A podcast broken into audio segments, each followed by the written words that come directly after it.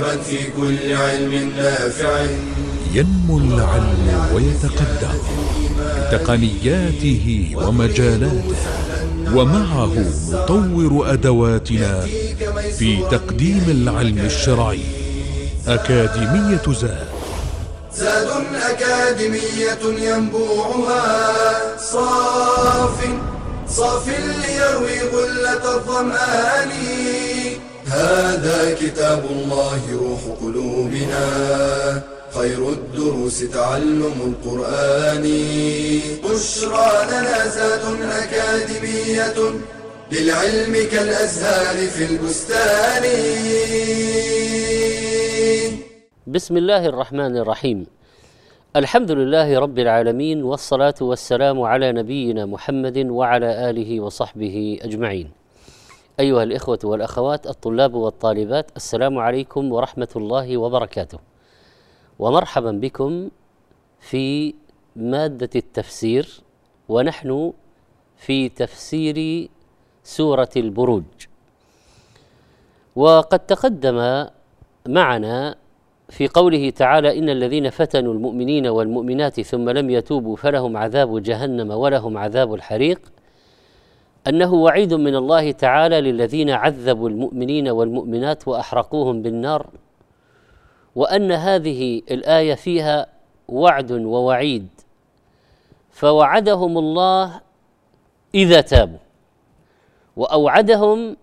اذا لم يتوبوا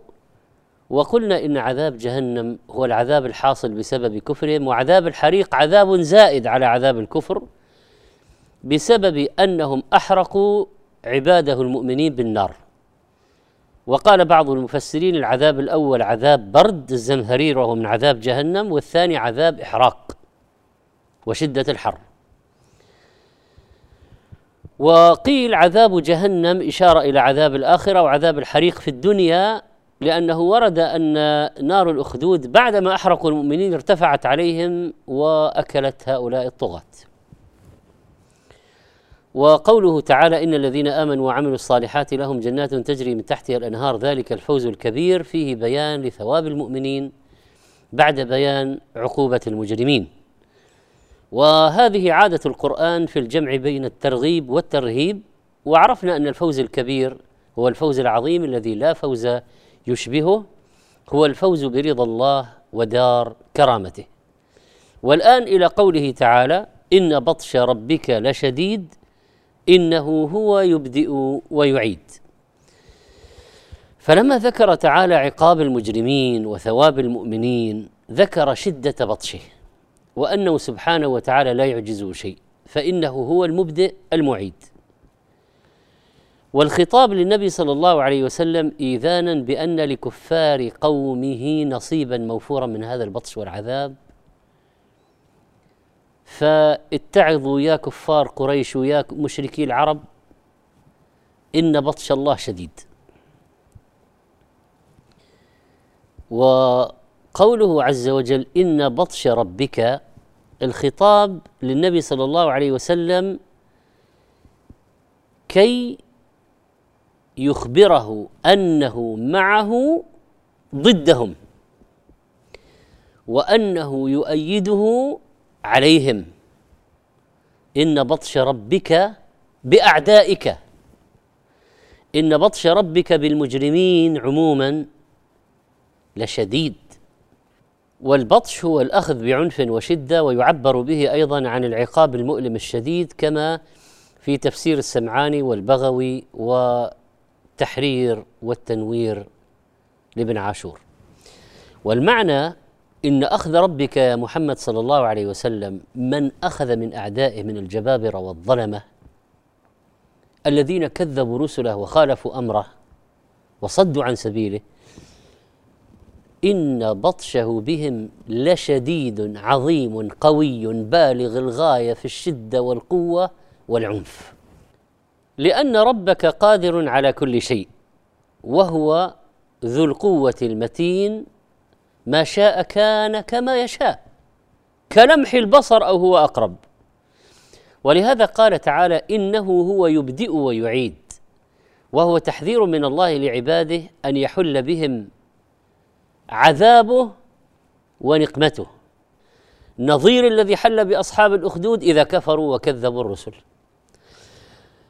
وقد قال ابن عباس رضي الله عنه إن أخذه بالعذاب إذا أخذ الظلم والظلم والجبابرة لشديد وإذا كان البطش هو الأخذ بعنف وشدة فإنه يتضاعف ويتفاقم وفي هذا أن عقوبته تعالى لأهل الجرائم والذنوب العظام والجبابرة الظلمة عنيفة إذا كان عندهم عنف وشدة فالله أشد وإنه بالمرصاد للظالمين أشار إلى هذا المعنى آه، القرطبي رحمه الله وغيره وفي الحديث إن الله لا يملي للظالم حتى إذا أخذه لم يفلته ثم قرأ صلى الله عليه وسلم آه، الآية التي في سورة هود وهي قوله تعالى وكذلك اخذ ربك اذا اخذ القرى وهي ظالمه ان اخذه اليم شديد نعوذ بالله والحديث الصحيحين فالله تعالى يملي للظالم حتى يزداد طغيانه ويترادف كفرانه وتتعدد جرائمه حتى اذا اخذه اخذه اخذ عزيز مقتدر فليحذر الظالمون من الامهال ولا يظنوا انهم يفوتون الكبير المتعال وقال شريح القاضي رحمه الله سيعلم الظالمون حق من ظلموا ان الظالم ينتظر العقاب والمظلوم ينتظر النصر اما والله ان الظلم لؤم وما زال المسيء هو الظلوم إلى ديان يوم الدين نمضي وعند الله تجتمع الخصوم ستعلم في الحساب إذا التقينا غدا عند الإله من الملوم طيب جملة إن بطش ربك لشديد تعليل لقوله تعالى إن الذين فتنوا المؤمنين والمؤمنات ثم لم يتوبوا فلهم عذاب جهنم ولهم عذاب الحريق أي لأن فلهم عذاب جهنم ولهم عذاب الحريق لأن بطش الله شديد بطشه بمن فتنوا المؤمنين فموقع إن في التعليل أغنى عن فاء السببية ولذلك لم يقل فإن بطشه لأجل موقع إن إن بطشه وبطش الله يشمل البطش الأول في الدنيا والبطش في الآخرة وإيجاد الأجيال وإخلافها بعد إهلاك أوائلها واندثروا ولا كأنهم كانوا سبحانه آه، مع قوله تعالى إنه هو يبدئ ويعيد بعد الفاصل إن شاء الله بشرى لنا أكاديمية للعلم كالأزهار في البستان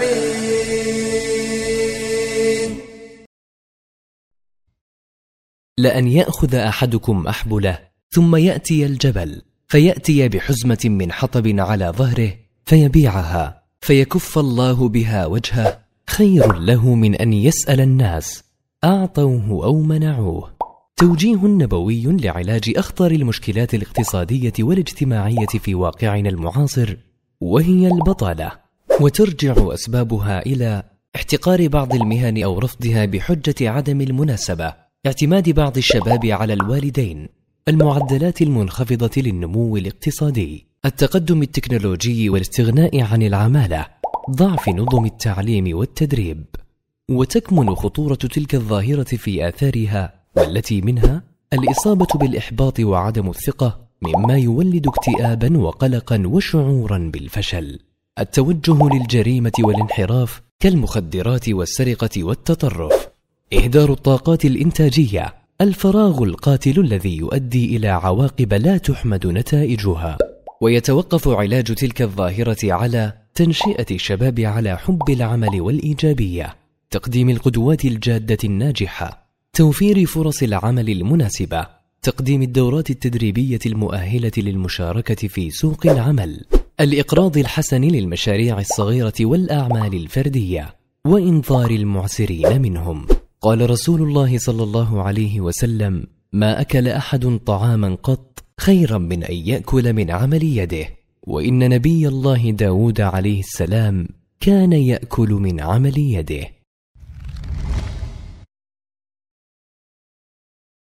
بشرى جنازات اكاديميه للعلم كالازهار في البستان بسم الله ونعود مرة أخرى إليكم حياكم الله قال تعالى إن بطش ربك لشديد إنه هو يبدئ ويعيد ما معنى يبدئ ويعيد يعني أن الله ابتدأ خلقه هو الذي ابتدأ الخلق لا غير ليس أحد إلا الله الذي بدأ الخلق قل انظروا كيف بدا الخلق ثم الله عز وجل ينشئ النشاه الاخره ويعيد الخلق مره اخرى في البعث كما بداهم اول مره في الايجاد انه هو يبدئ ويعيد فيحدث خلقه ابتداء ثم يميتهم ثم يعيدهم احياء بعد مماتهم كهيئتهم قبل ان يموتوا يبدئ ويعيد يبدئ الخلق في الدنيا ثم يعيدهم في الاخره فهو المتفرد سبحانه وتعالى بابداء الخلق واعادته لا مشارك له في ذلك قيل في معناها ايضا يميت ثم يحيي وقيل يخلق ثم يبعث وقيل يبدئ العذاب ويعيده فيبدئه في الدنيا على الكفار ثم يعيده عليهم في الاخره كما قال ابن عباس رضي الله عنهما يبدئ لهم عذاب الحريق في الدنيا ثم يعيده عليهم في الاخره وقيل يبدئ عذاب اهل النار ثم يعيده عليهم ويكرره اضعافا مضاعفه فذوقوا فلن نزيدكم الا عذابه وقد قال ابن عباس رضي الله عنهما ان اهل جهنم تاكلهم النار حتى يصيروا فحما ثم يعيدهم خلقا جديدا والاحتراق عمليه الاحراق مستمره.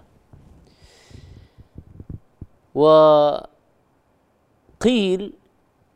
يبدئ ما كلف من اوامره ونواهيه ويعيد ما جزى عليه من ثواب وعقاب هذا معنى اخر في يبدئ ويعيد. يبدئ ما كلف من اوامره ونواهيه يشرع ما يشاء ينزل من الحلال والحرام ما يشاء ويعيد ما جزى عليه من ثواب وعقاب فيبدئ تكاليف في الوجوب والتحريم ونحو ذلك ويعيد الجزاء عليها بعد ذلك جاء هذا عند الطبري وكذلك في النكت والعيون والتفسير البسيط وزاد المسير والقرطبي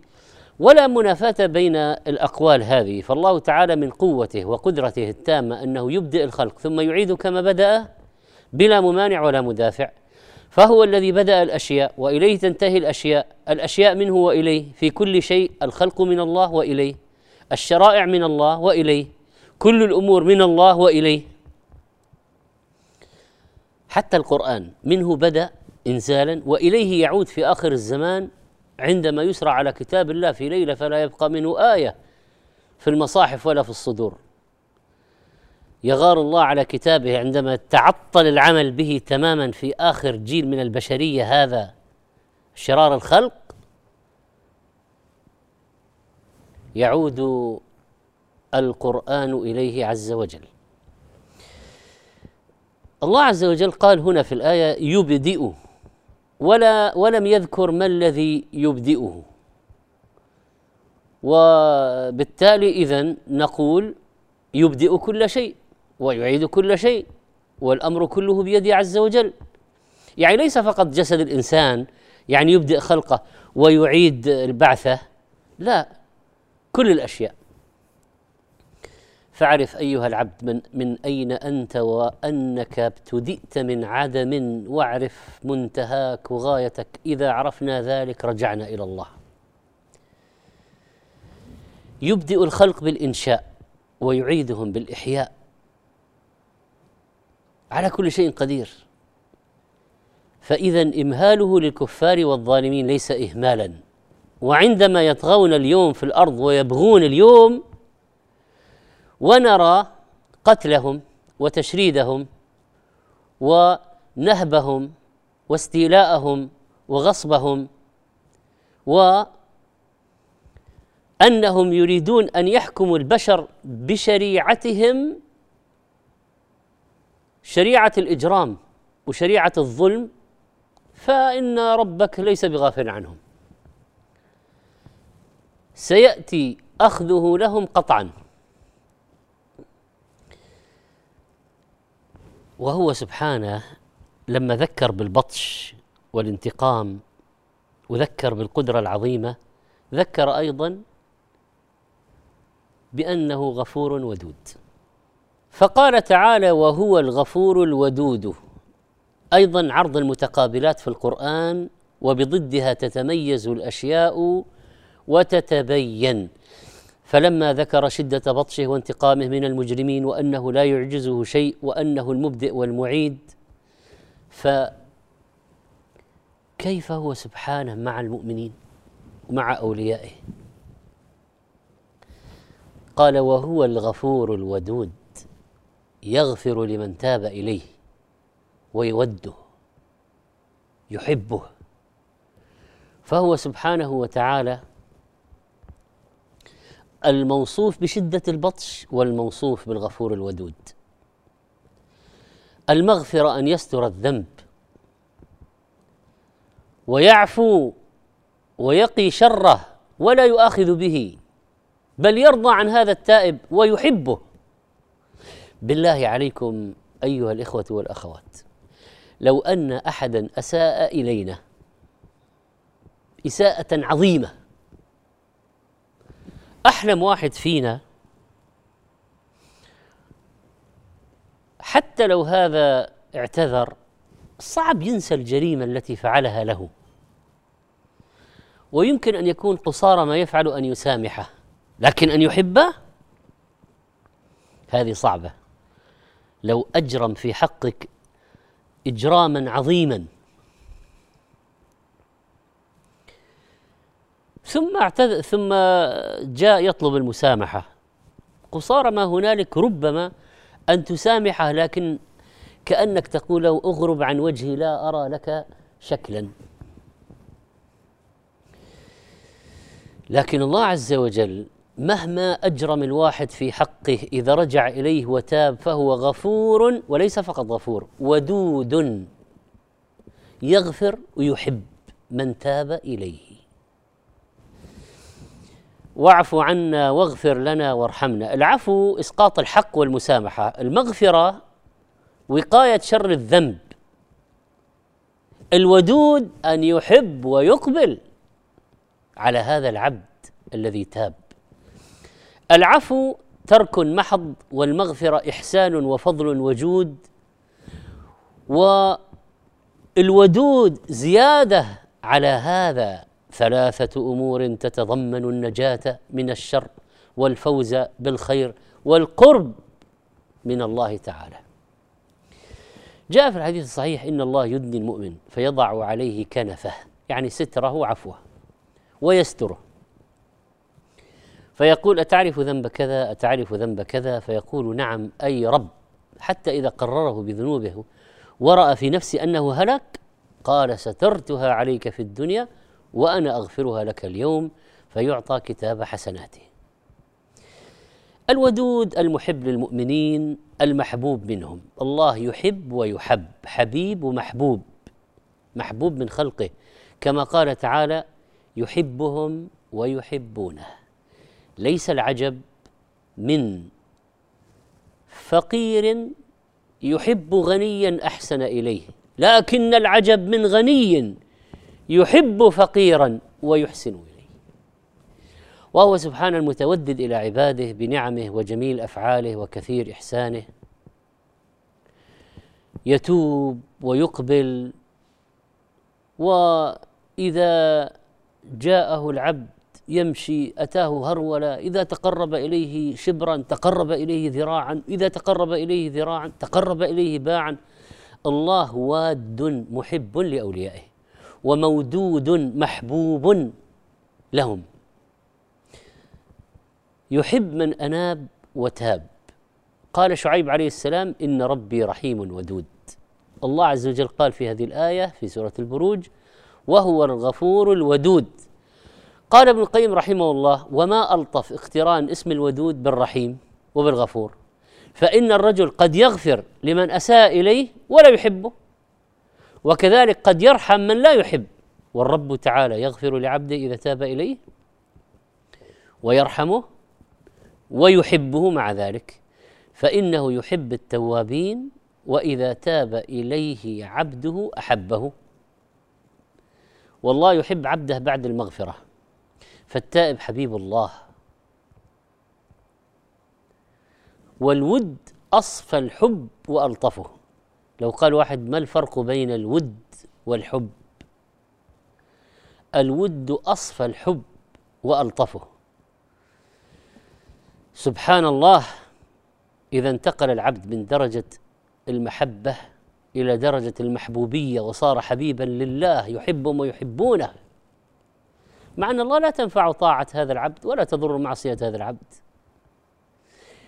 ليس الشأن أن تحب إنما الشأن أن تحب فإذا أحبك لا خوف عليك نسأل الله سبحانه وتعالى أن يلطف بنا وأن يغفر لنا وأن يتوب علينا وأن يحبنا وقفة قصيرة ثم نعود إن شاء الله بشرى أكاديمية للعلم كالأزهار في البستان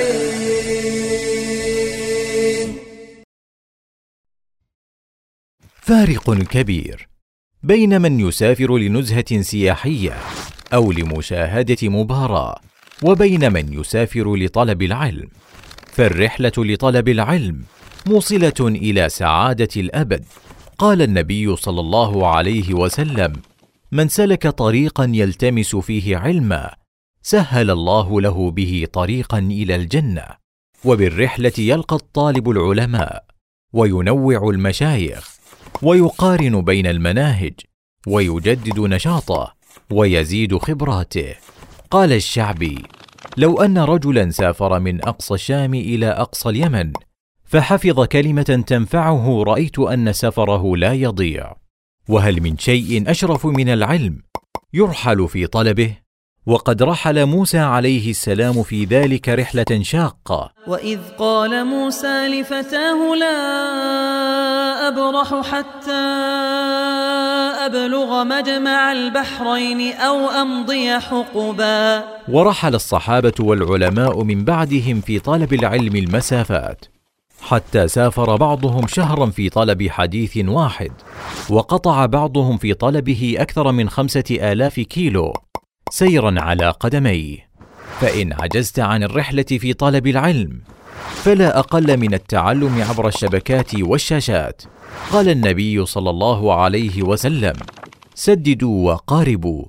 والقصد القصد تبلغوا بشرى أكاديمية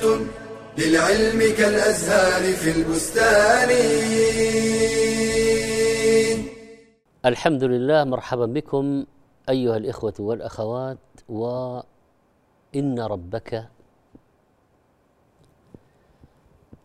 رحيم ودود قال الله تعالى في هذه الايه وهو الغفور الودود آه، معنى ذلك ان العبد المذنب ممكن ان يعود بعد التوبه الى درجه اعلى مما كان قبلها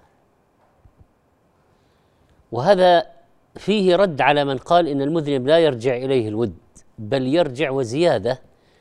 اذا حسنت توبته ورجع مستقيما يعبد مولاه وازداد طاعه وقربا ازداد محبه وودا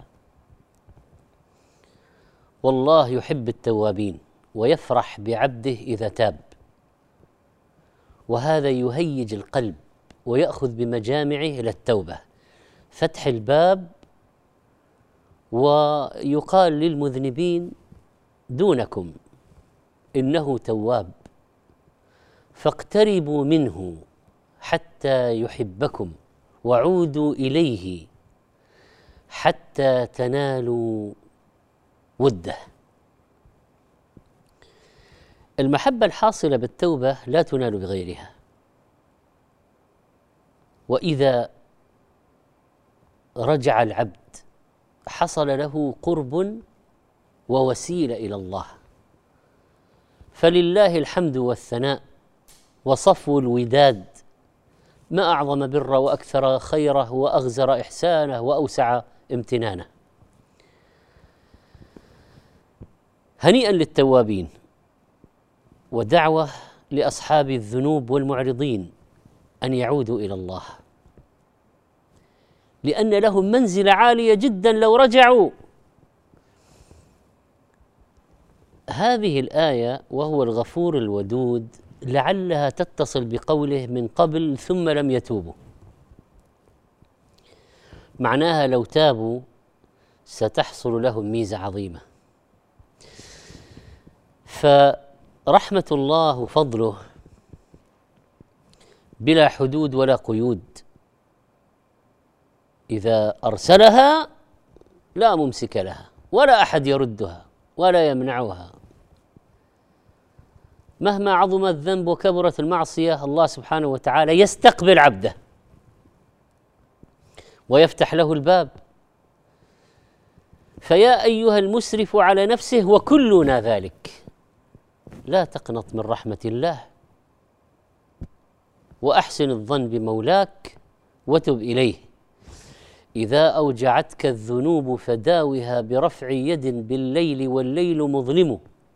ولا تقنطن من رحمة الله إنما قنوطك منها من ذنوبك أعظم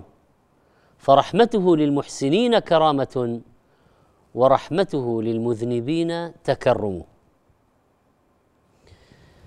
ثم قال عز وجل وهو الغفور الودود ذو العرش المجيد فعال لما يريد فلما بين انه غفور ودود بين عظمته وتمام سلطانه بذكر عرشه العظيم وانه فعال لما يريد ذو العرش اي صاحب العرش العظيم العالي على جميع الخلائق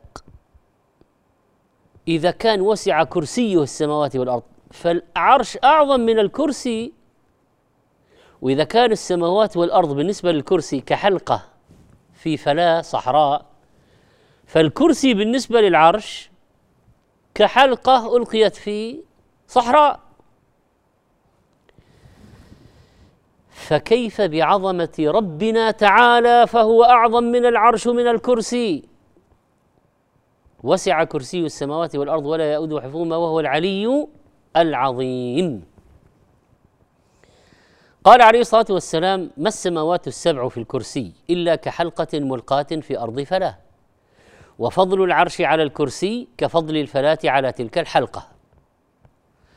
خص الله العرش بالذكر لعظمته ولأنه أخص المخلوقات بالقرب منه تعالى وقوله عز وجل ذو العرش المجيد فيه إضافة العرش إلى نفسه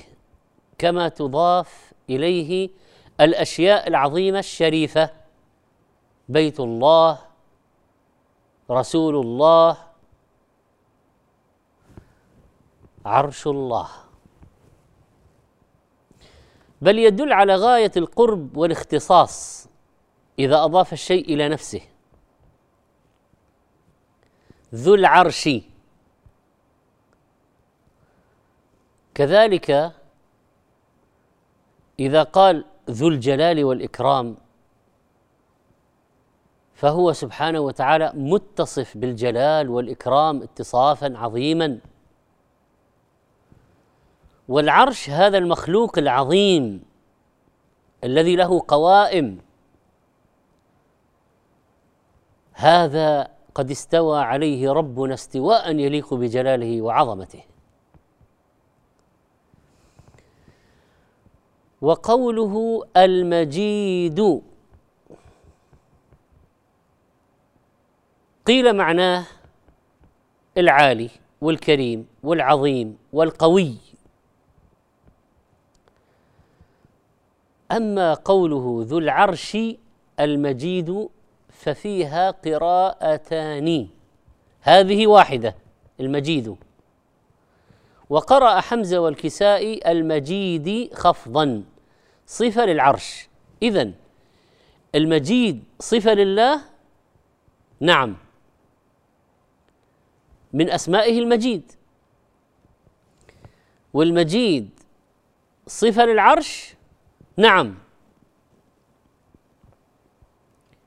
يصلح ان يكون كذلك ايضا وكلا المعنيين صحيح قرأ الباقون غير حمزة والكسائي المجيد رفعا صفة لله صاحب العرش إذا ذو العرش المجيد ذو العرش المجيد كلاهما صحيح أما اسم الله المجيد يتضمن كثرة صفات كماله وسعتها وعدم إحصاء الخلق لها يتضمن كثرة خيره ودوام هذا الخير له المجد عز وجل لجلال صفاته وعظم اسمائه وكلها حسنى وافعاله حميده واذا قلنا العرش المجيد المجيد صفه للعرش فالمخلوق يصير مجيدا باوصاف يجعلها الخالق فيه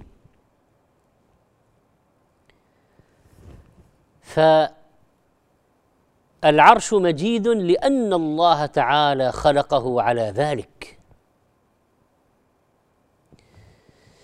أما اتصاف الله تعالى بالمجد وأن من أسمائه المجيد فقد جاء في كلام الملائكة لبيت الخليل عليه السلام رحمة الله وبركاته عليكم أهل البيت إنه حميد مجيد وفي آخر الصلاة الإبراهيمية إذا جلسنا للتشهد إنك حميد مجيد شرع في آخر الركعة عند الاعتدال أن نقول ربنا ولك الحمد أهل الثناء والمجد فالحمد والمجد على الإطلاق لله الحميد المجيد فالحميد الحبيب المستحق لجميع صفات الكمال المحمود على صفاته حميد بمعنى محمود والمجيد ذو المجد العظيم الواسع القادر الغني ذو الجلال والاكرام المجد سعه الاوصاف وعظمتها الجلال العليم الكامل في علمه الرحيم الذي وسعت رحمته كل شيء القدير الذي لا يعجزه شيء المجيد الحليم الكامل في حلمه المجيد الحكيم الكامل في حكمته المجيد وهكذا في اسمائه وصفاته التي بلغت غايه المجد فليس في شيء منها قصور او نقصان الله عز وجل حميد مجيد آه، عرشه إذا قلنا بالقراءة الأخرى ذو العرش المجيد فقد وصف عرشه أيضا بأنه كريم فقال رب العرش الكريم فهو عرش كريم وعرش عظيم وعرش مجيد لأن الله سبحانه وتعالى خلقه على ذلك لسعته وحسنه وبهائه وجماله وأوسع شيء في المخلوقات العرش واجمل شيء في المخلوقات واجمعه لصفات الحسن وبهاء المنظر وعلو القدر والرتبه والذات فيما خلق تعالى من مخلوقاته في السماوات والارض هذا الكرسي وقال عز وجل فعال لما يريد مهما اراد فعله لا يعجزه شيء لا يمتنع منه شيء لا يغلبه غالب لا معقب لحكمه لا يسأل عما يفعل من كماله وإذا قلنا ذو العرش المجيد يعني الله عز وجل من أسمائه المجيد لأنه يفعل ما يريد ذو العرش المجيد فعال لما يريد ما يشاء متى شاء كيف شاء فعال لما يريد من الابداء والاعاده يوفق من شاء للتوبه ويدخل اولياءه الجنه ويعذب من يشاء ويحول بينه وبين التوفيق فيموت على كفره يمهل العصاه ويعاجل بعضهم بالعقوبه ويعذب من شاء منهم يفعل ما يشاء روي عن ابي بكر الصديق رضي الله عنه انه قيل له وهو في مرض الموت هل نظر اليك الطبيب قال نعم قالوا فما قال لك قال قال لي اني فعال لما اريد لاحظوا لاحظوا كلمه فعال ولم يقل فاعل لكثره افعاله تعالى فعال يفعل كثيرا ويفعل ما يشاء ولا يرده شيء عما يريده صيغه مبالغه فعال الكثره والتفخيم فعال سيكون لنا بمشيئه الله تعالى وقفه اخيره مع الايات الاخيره في هذه السوره في الدرس القادم بمشيئه الله تعالى استودعكم الله والسلام عليكم ورحمه الله وبركاته. يا راغبا في كل علم نافع متطلعا لزياده الايمان وتريد سهلا النوال ميسرا ياتيك ميسورا باي مكان زاد زاد اكاديميه ينبوعها صاف صاف ليروي غلة الظمآن هذا كتاب الله روح قلوبنا خير الدروس تعلم القرآن بشرى لنا زاد أكاديمية للعلم كالأزهار في البستان